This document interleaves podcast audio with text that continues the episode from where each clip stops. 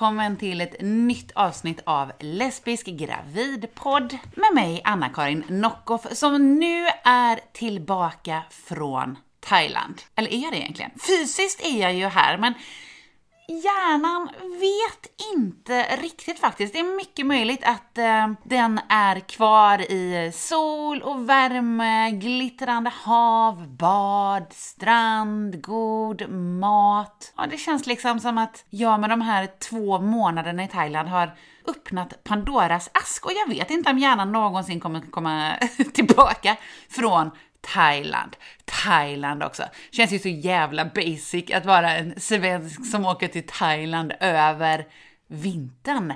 Innan var ju Hollywood eh, mitt paradis som jag alltid drömde mig bort till när jag inte var där. Men ja, kanske var det någonting som kom med det här med att eh, skaffa familj. Nu är det i alla fall Thailand som jag vill vara i även fysiskt. Men men, nu sitter jag här i Sverige och ska väl inte hålla på att deppa ihop över det.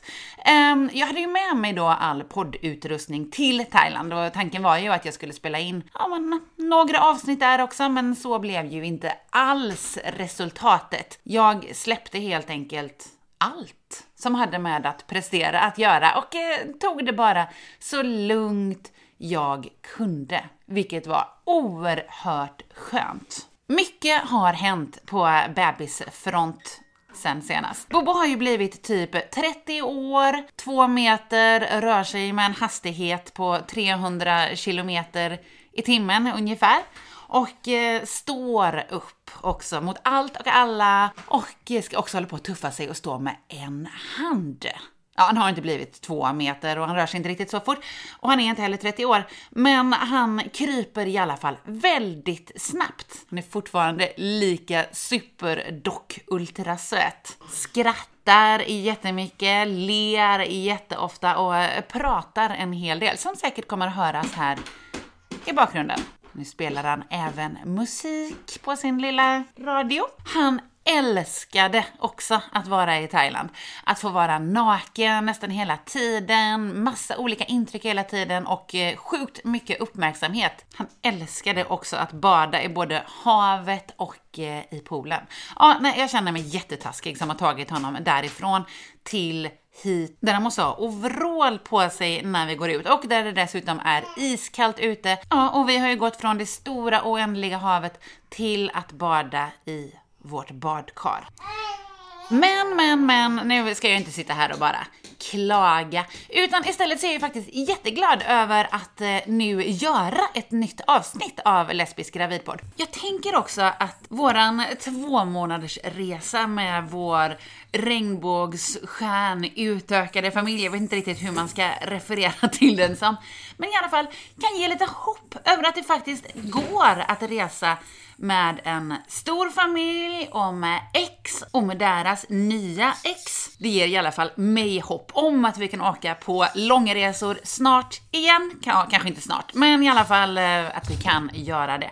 Och kanske ger det även någon annan hopp om att ni också kan göra det trots att familjen inte är en liten kärnfamilj. Något annat som jag tycker ger väldigt mycket hopp är dagens gäst Emily och hennes eh, fru Lo. Deras väg till bebis. Att de inte gav upp utan fortsatte kämpa. Trots att det såg mörkt ut, trots att det blev väldigt dyrt. Hur håller man egentligen hoppet uppe under en ja, men rätt eh, tuff skaffa barnprocess.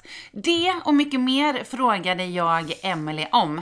Vi tyckte ju att eh, vi blev ruinerade av våra sex inseminationsförsök som det tog för att eh, få till Bobo. Men Emelie och hennes fru, de betalade faktiskt en kvarts miljon för att nå fram till graviditeten. Med sig till vårt samtal hade Emily då resultatet, alltså bebisen Kid. Och Kid och Bobo kommer ju höras en del till och från i bakgrunden här och ja, men det har väl visat sig att det är väldigt omöjligt att göra denna podden utan bebisljud i eh, bakgrunden. Så det är väl helt enkelt någonting man bara får ta. Det handlar ju ändå om eh, bebisar och eh, ja, bebisljud är ju faktiskt typ det sötaste som finns. I alla fall de flesta bebisljuden. Så med dessa ord så tar vi oss över till Emily.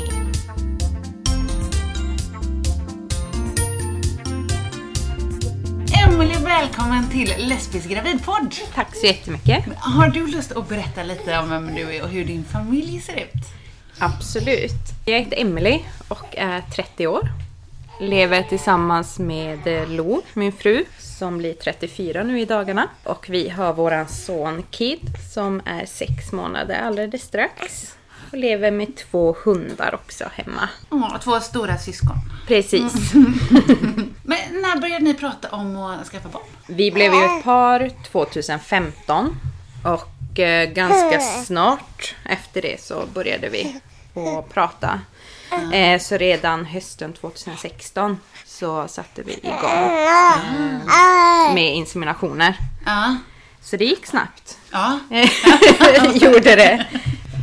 Men vi har ju känt varandra också i åtta år kanske. Ah, Så okej. att eh, vi var inte helt nya för varandra. Nej. Nej. Ja, men då visste ni vilka ni var och sådär. Ja, precis. Men var det självklart att det var du som skulle bära barnet? Ja, det var det. Ja. Jag tror inte ens att vi har pratat om att Lo, om hon skulle vilja bära eller så. Det är inte naturligt för henne. Så det blev jag. Som, Och jag ville ju gärna. Ja, men bra kombo. Ja, precis. Det var självklart. Ja. ja, men vad skönt. Att det inte behövde bli något bråk om det. Ja, precis. Men då när ni startade, hur hade ni liksom tänkt att vägen till barn skulle se ut? Vi tänkte väl att vi eh, gör ett par försök. Och eh, så tar det sig ganska snart. Kanske två, tre försök. Ja. hade vi räknat med. Så blev ju inte fallet. Vi tänkte ju först att eh, vi skulle göra det i Danmark, inseminationer. Och eh, tog ju kontakt med en klinik här i Göteborg. Eh, och det var då vi fick reda på att man får göra inseminationer privat Ja. i Sverige också. Ja. Och då blev det rätt naturligt att vi valde att fortsätta hos dem för att slippa åka ner till Danmark. Så det var så det startade med processen där. Men för sen så blev det ju en eh, rätt lång och kostsam process. Ja, ja. Har du lust att berätta om hur det gick till? Vägen till Kid. Vägen till Kid, var ska vi börja? Ehm, vi började ju med inseminationer på Nordic IVF i Göteborg. Och eh, hade som sagt räknat med ett par försök. Eh, att det skulle ändå gå ganska snabbt. Och vi gjorde sju försök på Nordic IVF. Med inseminationer. Med inseminationer, Ja. precis. Och eh, jag började väl efter några försök där att förstå att det var någonting som var fel. Men alla prover såg jättebra ut. Och jag minns att jag så många gånger sa till läkaren och bad om hjälpmedel. Ja. För jag kände ändå att det är något som inte stämmer. Men hon tyckte ju att allting såg bra ut och tyckte att vi skulle göra mer försök. Mm. Hur tätt gjorde ni de här försöken förresten? Varje till varannan månad. Ja. Gjorde Oj, vi. oj, oj. Mm. Mm. Så eh, efter sju försök där så var vårt sparkapital borta. Ja. Och eh, vi tog en paus. Då mådde jag väldigt dåligt. Eh, hamnade i någon... Jag hamnade i en depression och blev sjukskriven. För att det blev verkligen att allting kretsade kring att bli gravid. Ja. Det var som... Det var vårat liv nu. Det var, det var allt vi pratade om, allt vi tänkte på. Allt. Nej men pengarna tog slut. Mm. Hade ni satt någon så här summa innan som så här, detta är våran max? Nej, nej, för vi trodde ju att det skulle gå rätt Ja. snabbt Ja. att bli gravida. Men efter de här försöken på Nordic IVF så mm, hamnade jag i en depression och mådde jättedåligt. Och då, när vi inte hade råd längre så kom jag över eh, heminsemination. Mm. och gick med i en grupp på Facebook och sökte en donator. Och kom i kontakt där med eh, en i samma ålder som mig som ville hjälpa oss. Och eh, det funkade så bra. det kändes jättekonstigt första gången han skulle komma hem till oss. Förstår det. Ja, men eh, efter ett par gånger så bara stämde det och vi klickade jättebra. Och där försökte vi ju varje månad. Men det tog ju sig inte där heller. Nej. Vilket blev ja, jätte, jättejobbigt. Och det var då jag också började med alla mirakelkurer och gick med i grupper på Facebook om folk som har svårt att bli gravida. Ja. Eh, läste på familjeliv, kontaktade olika läkare. Allt för att bara hitta. Jag kände att jag, om jag vet att jag har låg äggreserv eller vad som helst så kan man ju få hjälp med det. Ja. Men visste ni här att du kunde bli gravid? Ja, de lä- Testen. ja, Ja. testerna visade ju att det var, allting såg jättebra ut. Mm. Så att de sa ju att men det kommer ta sig. Men det gjorde inte det. Nej. Så det var jobbigt. Vad testade ni då för eh, kurer? Oj, jag har gått till en kinesiolog. Mm. eh, Har jag gjort. Som eh, skulle hjälpa mig. Och Med akupunktur eller? Nej, där eh, hos henne var det mest med energier och så här. Ja, ja, ja. Eh, men det enda som funkade var att min pollenallergi försvann. Ja, ja, men en bonus. Ja, ja precis. Så till henne gick jag några gånger. Ja. Hände ingenting. Nej. Jag har testat akupunktur också. Ja. Har jag gjort, fick ingen effekt på det heller. Har eh, gått på privatlektioner, kundalini-yoga, Mm. som ska hjälpa med fertilitet. Ja. Funkar inte. Nej. Vad har jag mer gjort? Ja, jag har ju testat eh, rosenrot och jag har provat munkpeppar och mycket sådana här naturläkemedel och vitaminer och allt möjligt. Fick även hjälp av en gynekolog utskrivet Letrozol. Vad är det? Det är ju som ska hjälpa äggen att mogna. Ja, okej. Ja. Som man äter några dagar efter mensen. Mm. Och så går man på ultraljud och mäter äggblåsorna. Det svarade jag bra på. Fick en ägglossningsspruta som ska göra att ägget släpper. Mm. Men det tog ju sig ändå inte. Det Letrosolkurer försökte vi i många, många månader. Där blev det väl också att, ja men nu får vi hjälp med det här, men varför funkar det inte? Mm. Eh, för jag hade ägglossning, jag fick utslag på stickorna, jag hade regelbunden mens. Men det tog sig inte. Nej.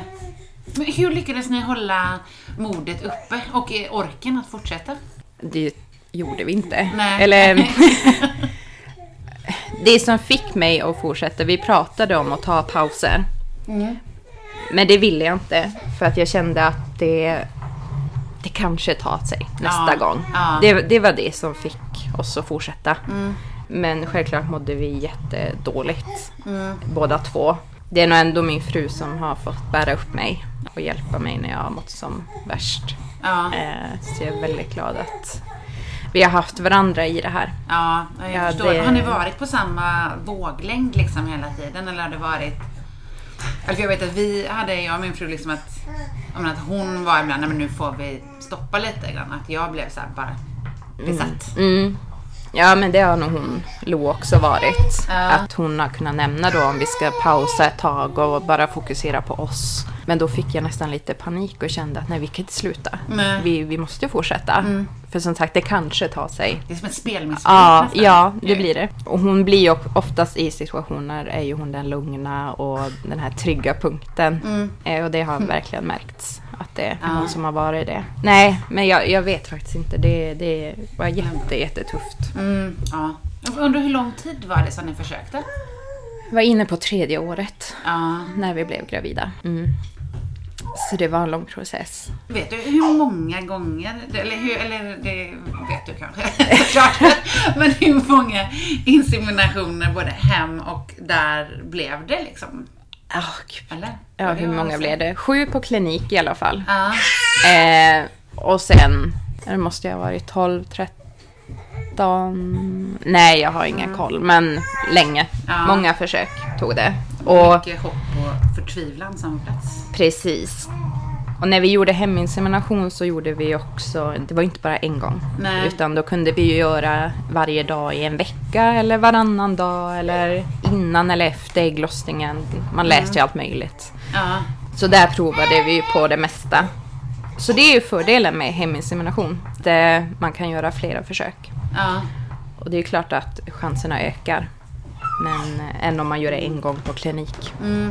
Så, men ja, nej, jag är glad att det finns eh, privat, alltså folk, män som vill hjälpa både ensamstående och samkönade par. Ja.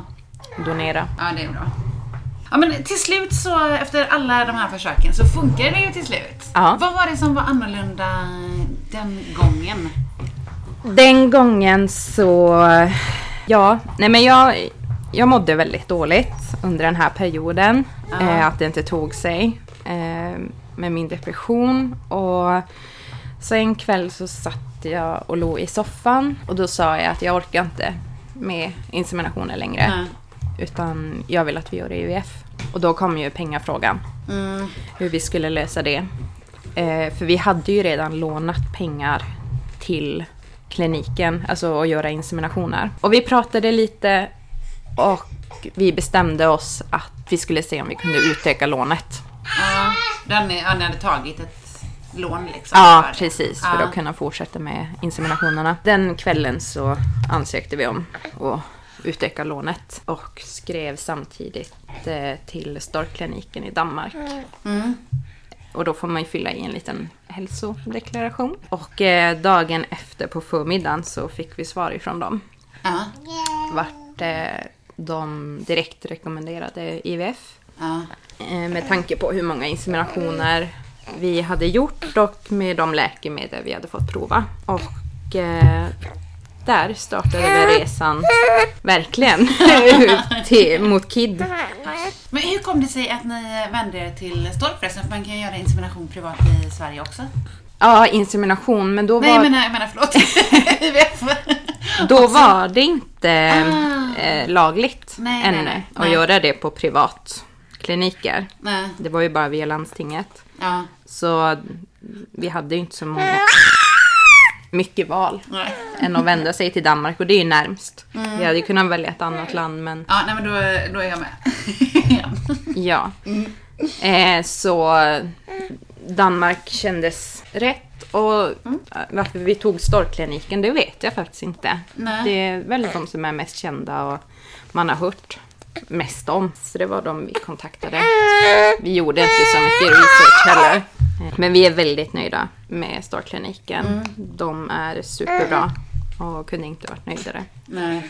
Så där eh, började det och då när man ska göra IVF så är det ju väldigt många prover man ska göra. Och det tyckte väl jag var lite jobbigt att eh, försöka hitta någon klinik, privatklinik som vill göra de här proverna. Ja, för de fick ni göra i Sverige då? Ja, precis. Ja. Eh, till slut så hittade vi en i Göteborg som hade lite av ett samarbete med Starkliniken. Ja, okej. ja. Och eh, gjorde alla proverna där. Så mejlade läkaren till eh, Danmark. Ah, smidigt. Ja.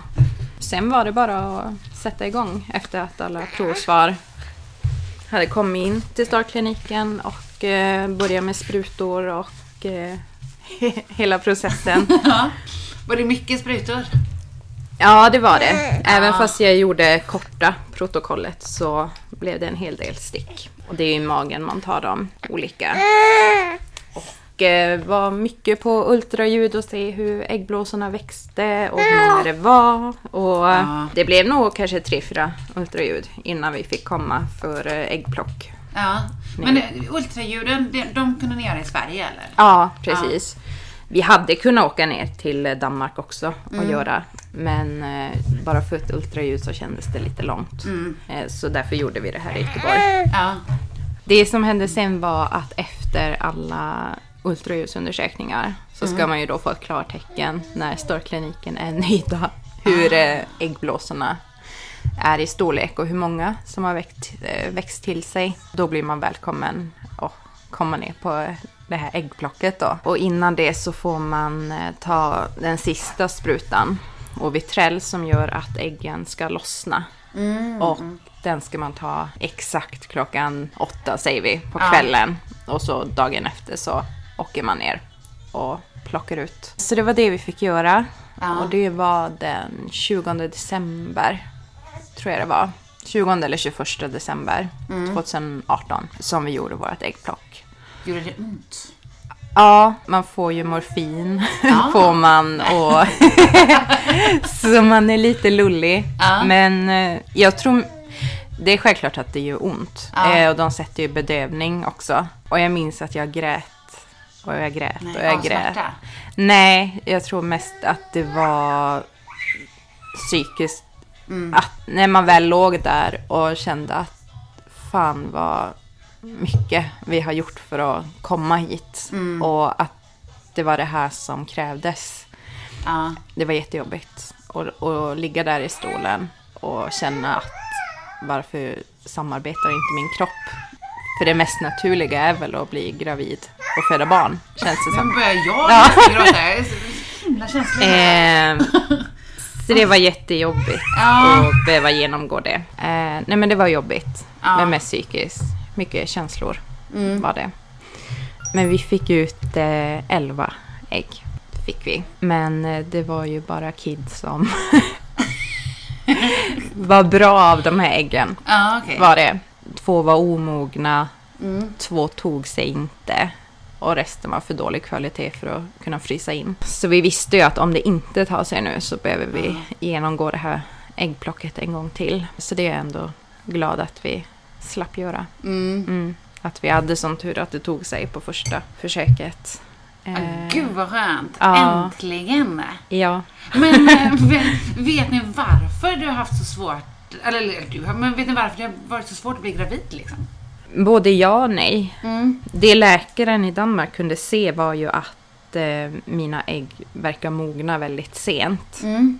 Eh, så det kan ju ha varit därför det inte har tagit sig Ja. med inseminationerna. Att jag behövde lite hjälp på traven. Men annars så nej, det vet vi inte. Nej. Nej. var kanske helt enkelt kid som väntade på er. Ja, det känns lite. Hittade er då. Precis. Ja. Ja. Men hur kändes det då när ni äntligen, äntligen var gravida? Jag fick en blödning Ja. ett par dagar efter att vi hade satt tillbaka det här befruktade eh, blastocyst, heter det ju. Mm.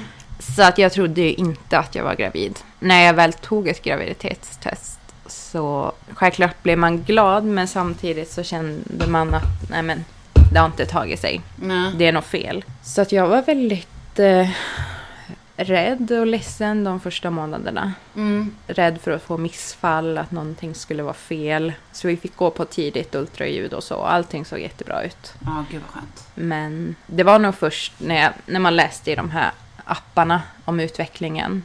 Där det stod att nu skulle han komma nu så skulle han klara sig Mm. utanför kroppen. Och det var väl då jag kunde börja slappna av. Mm. Och det är väl, vad är det, vilket, 24? Ja. Eller? Ja, något sånt. Det är ganska Ja. långt in. Mm. En lång orolig tid. Ja. Men hur var, hur var eh, förlossningen liksom? Nej, inte förlossningen, jag menar graviditeten. Mm. Utöver, utöver oron. Och, eh, så, hur mådde du av att vara gravid? Mm. Där... Eh, man glömmer bort ganska snabbt. Eh, min fru säger att jag hatade det. Ja. Jag säger att jag älskade det. Jag gick upp väldigt mycket i vikt. Jag gick upp över 30 kilo. Och hade väldigt mycket vätska. Och foglossning. Så det är klart att det var tungt. Mm. Men samtidigt helt underbart. Och Kid var väldigt livlig inne i magen. Mm, skönt. Man har en Ja. ständig bekräftelse på att... Ja, precis. Så att eh, så sett var det jättemysigt. Ja. Men att vara gravid, höggravid under sommaren var med värmen och eh, ja, det, får jag välja Ah. så skulle jag nog vara höggravid på vintern. ja. Om det skulle ta det sig. bättre nästa gång. Ja, faktiskt. Nej, men det, i det stora hela så är jätteunderbart och jag är så glad att jag fick uppleva det Ja. faktiskt. Om det hade varit så att du inte kunde bli gravid, Mm. hade din fru då kunnat tänka sig att vara gravid? Ja, alltså hon har ju sagt att om det verkligen skulle vara så att de Mm. hade hittat något fel som säger att det är helt omöjligt, du kan inte. Så hade hon ju kunnat tänka sig. Mm. Eh, men det, det är inte naturligt för henne. Nej. Så att Och jag ville ju verkligen vara Ja. gravid. Jag ville ju uppleva det. Men ja, det hade hon väl om det inte hade gått Mm. att jag blev gravid. Mm. Men nu gick det. Det gick. Ja, och nu är han här. Sex ja, månader. Precis. Och jättefin. Ja. Men Hur var förlossningen? ja, det blev akut kejsarsnitt Ja. för oss. Ja. Eh, fick en blödning tio dagar innan BF och åkte in på akuten. Och det visade sig att han var väldigt stressad i magen och att eh, de kunde inte se vart min blödning kom ifrån. Så att där blev det att eh, läkaren rekommenderade akut kejsarsnitt. Vilket också blev jättejobbigt för att jag är livrädd för kejsarsnitt. Eller var ska jag säga. Ja. Och hade verkligen ställt in mig på en vaginal förlossning och var jättepeppad inför det. Men det blev akut kejsarsnitt och allting gick jättebra. Och eh, efter att han hade kommit ut och efter att läkaren hade tagit ut moderkakan så sa hon till oss att hon var väldigt nöjd över beslutet med akut snitt. Eh, efter att hon hade sett den. För navelsträngen låg inte i mitten av moderkakan utan den låg som ut mot kanten i en hinna. Så det hade kunnat bli en risk eh, förlossning. Den hade kunnat lossa där alltså? Ja, jag vet inte riktigt vad som hade kunnat hända om jag hade Nej. fött vaginalt. Men det blir en risk i alla fall. Mm. Att det hade kunnat uppstå komplikationer. Så att i det stora hela gick det bra. Ja. Men eh, lite snuvad blev man väl på att inte få en vaginal förlossning. Ja. Man hade känt- ställt in sig på det. Man har peppat Ja. inför det. Ja, precis. Mm. Men kejsarsnittet gick bra? Kejsarsnittet gick bra. Ja. Jag förlorade väldigt mycket blod. Men just återhämtningen efter var förvånansvärt lätt. Mm. Eh, Jag var uppe på benen dagen efter och har kunnat promenera och gå. och Haft, inte haft några komplikationer med snittet eller så. Nej, gud vad skönt. Så det, det har faktiskt gått jättebra. Ja. Mm. Så. Och hur kändes det helt plötsligt att ha en bebis då? Han hade kämpat så mycket. Var han, är han värd det? Ja, alla gånger om. Ja. Jag kan fortfarande ligga på kvällarna och, och titta på honom och nästan inte förstå att han är vår. Att han har varit inne i mig. Jag har skapat den här lilla människan. Ja. Och det är, ingen, Det är det är ingen man ska lämna tillbaka. Nej. Utan han är vår. Ja. Och det känns eh, helt magiskt. Ja. Jättekonstigt. jag, jag är så här, jag tror inte att man någonsin kommer förstå att Nej. man har burit den där lilla människan. Nej, att den har växt Ja. i en. Ja, Nej, men det är så sjukt också när man räknar tillbaka och bara så kort i tiden som äh, bebisen inte liksom ens fanns. precis. Inte ens magen. Mm. Och sen hur mycket den har växt. På, Ja. Och känna det där och sparkarna och... Nej. Jag skulle vilja göra om det tusen gånger. Mm. Mm. Ja, och det vill ni ju eh, också göra. Ja, Ja, va? Ni har alltså lite syskonplaner Precis. för Kid. Och hur ser det ut då? Hur eh, tänker ni där? ja, det kommer ju få bli IVF Ja, en gång till. Och KID kostade ju väldigt mycket pengar för att det Mm. tog så lång tid. Och vi har inte den ekonomiska situationen till det idag. Så vi har startat en insamling mm. vart folk får hjälpa oss om de vill ja. och bidra till ett syskonförsök. smart. Ja, Mm. så vi är en bit på vägen. Ja, Är det kan vara lite svårt att nå ut och få spridning. ja, Är det. Men eh, vi har fått ihop en del. Så vi är jättetacksamma att folk faktiskt vill hjälpa oss. ja. Eh, det är jättekul. Helst hade jag velat bli gravid redan igår. ja. Så det är snart som är planen? Liksom, eller ja, nästan direkt när vi har fått ihop Mm. så vill vi sätta igång Ja. med ett syskonförsök. Vi önskade ju oss tvillingar. ja. Mm. Så då är satsar ni på söjd... Ja. Söjd... Söjdetvillingar? Söjd... Jag vet inte hur man Ja. det. Nej men, Men, precis. där, ja. Tätt i alla fall. Ja, Så, så snart som möjligt skulle vi vilja sätta igång. ja, ja jag Mm. hoppas verkligen att ni får ihop pengar så snabbt. Men hur gör man då om man vill liksom stötta er väg till eh, Ett syskon. bebis? Ja. Antingen så kan man gå in på Facebook Mm. och söka på Vägen mot ett syskon.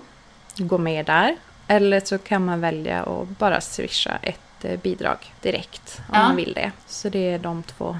Sen har jag gjort lite reklam på min Instagram och lite så. Så där Mm. kan man också gå in så finns länken och hitta där. Ja, men bra. Men det är ju verkligen så alltså med den insamlingen. Ja, Att det är ju inte bara... Alla kan ju inte bidra ekonomiskt. nej. Men man får ju jättegärna gå in i gruppen och bjuda in sina vänner. Mm. Ja, Så att, eller så dela. Ja. Så att du får en spridning. Ja. Så att det når ut till fler. En fråga förresten. Hade ni öppen eller eh, stängd donator? Vi valde öppen donator. Ja. För att vi känner att om det är så att KID vill söka upp sin donator så ska han ha möjligheten till det. Mm. Det är inte vårt val att avgöra eller besluta det. Nej. Så att eh, därför valde vi öppen. Ja, okej. Mm. Avslutningsvis, har du något tips till andra som försöker bli gravida? Ja, har säkert jättemånga tips. Mm. Men det är nog mest att eh, om man inte är nöjd med den läkaren man har Mm. när man lägger ner så mycket pengar på att få ett barn. Att man byter klinik eller läkare. För det ska kännas bra, det ska kännas tryggt. Och att man blir omhändertagen. Mm. Så att, eh, att man vågar byta. Ja, Mm. och kom ihåg att man har den möjligheten. Precis, så det är väl det jag skulle tipsa om. Mm. Vad bra, tack så mycket. Och tack så hemskt mycket för att du har varit med i podden. Tack själv, det var jätteroligt. Jättekul att ha dig här. Du får komma tillbaka när eh, ni har fått ert andra barn också. Ja, ja. Och stort lycka till med insamlingen. Hoppas att eh, ni kan köra igång snart igen. Tusen tack.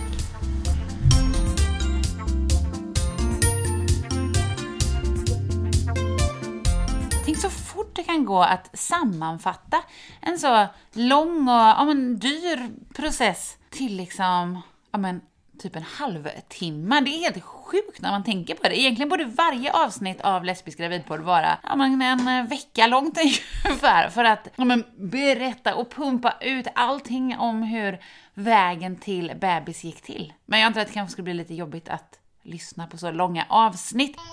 Men hur som helst, vill du stötta Emily och eh, hennes fru i deras väg till ett eh, syskon till Kid, så gå alltså in på Facebook och sök efter vägen till ett syskon.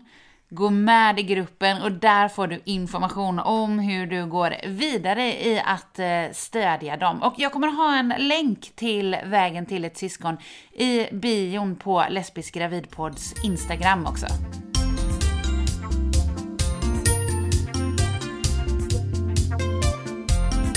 En sak som är intressant för många, totalt ointressant för många, är ju det här med kroppen under graviditet och efter graviditet. Tycker man att det är totalt ointressant eller Påverkas man negativt av kroppssnack på något som helst sätt så sluta lyssna nu för nu tänkte jag nämligen prata lite grann om just den saken.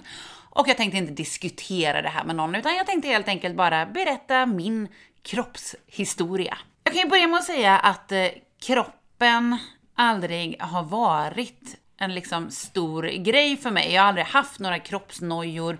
Jag har aldrig bantat. Jag har inte varit missnöjd med min kropp. Jag har helt enkelt inte brytt mig så mycket. Och då har jag ändå jobbat så mycket med min kropp eftersom jag har eh, dansat burlesk och eh, fotat pinup under väldigt många år. Men där har kroppen bara varit ett litet eh, kärt verktyg som jag kan experimentera och laborera med och ändra form på med korsetter och andra slags kläder som framhäver olika delar av mig. Men i alla fall, när jag blev gravid så gick jag upp ungefär 20 kilo.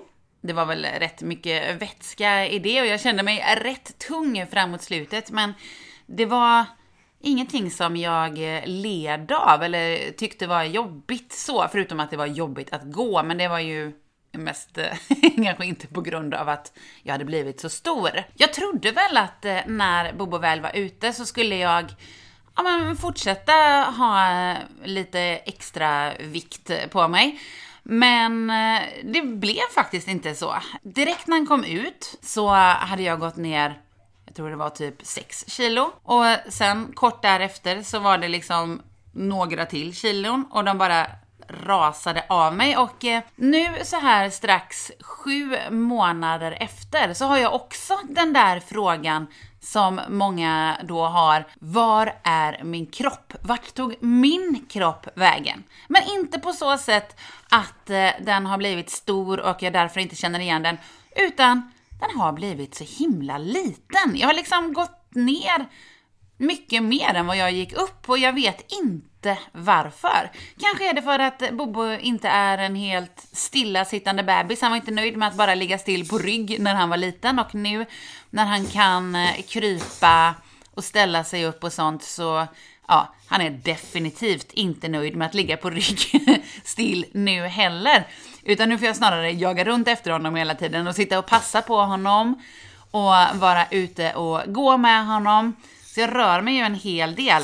Kanske är det det som har gjort att jag nu är mindre än jag någonsin har varit typ, eh, i alla fall på väldigt länge. Och min rumpa förresten är helt borta. Så där kan man ju fråga sig, var är min kropp någonstans? Förresten, eh, det jag sa där med att jag har jobbat mycket med kroppen, menar jag ju såklart att jag har, alltså, jag har uttryckt mig med kroppen. Jag har inte jobbat med kroppen på så sätt att jag har tränat eller ätit på ett visst sätt. Nu äter jag till exempel vegetariskt, men det gör jag ju för djurens skull och inte för kroppens skull. Under graviditeten så var mitt underliv, som jag även sa här i podden, väldigt köttigt. Liksom. Det var väldigt mycket kön. Och det läckte dessutom allt möjligt. Det har också återhämtat sig. Jag har inget köttigt kön längre och det läcker inte heller. Skulle det vara så att det läcker så är det faktiskt inte för att eh, det kommer ut en bebis därifrån, utan för att jag är lite lat bara. det har återhämtat sig också och då har jag inte ens hållit på att eh, knipa särskilt mycket. Det är Bobo som ackompanjerar här med en liten maracas i bakgrunden om ni undrar vad det är som låter. Brusten då, efter eh, sju månaders eh, amning, ja, klarar väl kanske inte penntricket lika bra längre, men ser i princip ut likadana de med. Ja, det här med kroppen, det är ju rätt ointressant egentligen. Och det är ju olika från person till person hur man tänker angående den och eh, hur den är och hur den blir. Ja, jag vet inte vad jag vill ha sagt med det här egentligen. Det är ju som sagt rätt ointressant det här med kropp. Samtidigt som det är väldigt intressant. Ja, ni förstår vad jag menar. Ointressant alltså ur den här synvinkeln. Stor, liten och så vidare. Men intressant vad den gör och vad den kan göra. Och så här är den alltså för mig efter graviditet och förlossning. Bryr man sig då om sin kropp på liksom ett, vad ska man säga, djupare plan, så man har ett problem med sin kroppsuppfattning, så förstår jag att en liten kommentar från mitt håll den kommer liksom inte göra så att det går bort. Men jag vill ändå påminna dig som behöver bli påmind om det, att din kropp, hur den än ser ut, är bra. Just för att det är din kropp. Den är ditt heliga tempel, för guds skull. Så behandla den väl, för den gör mycket bra saker för dig. Lesbisk gravid på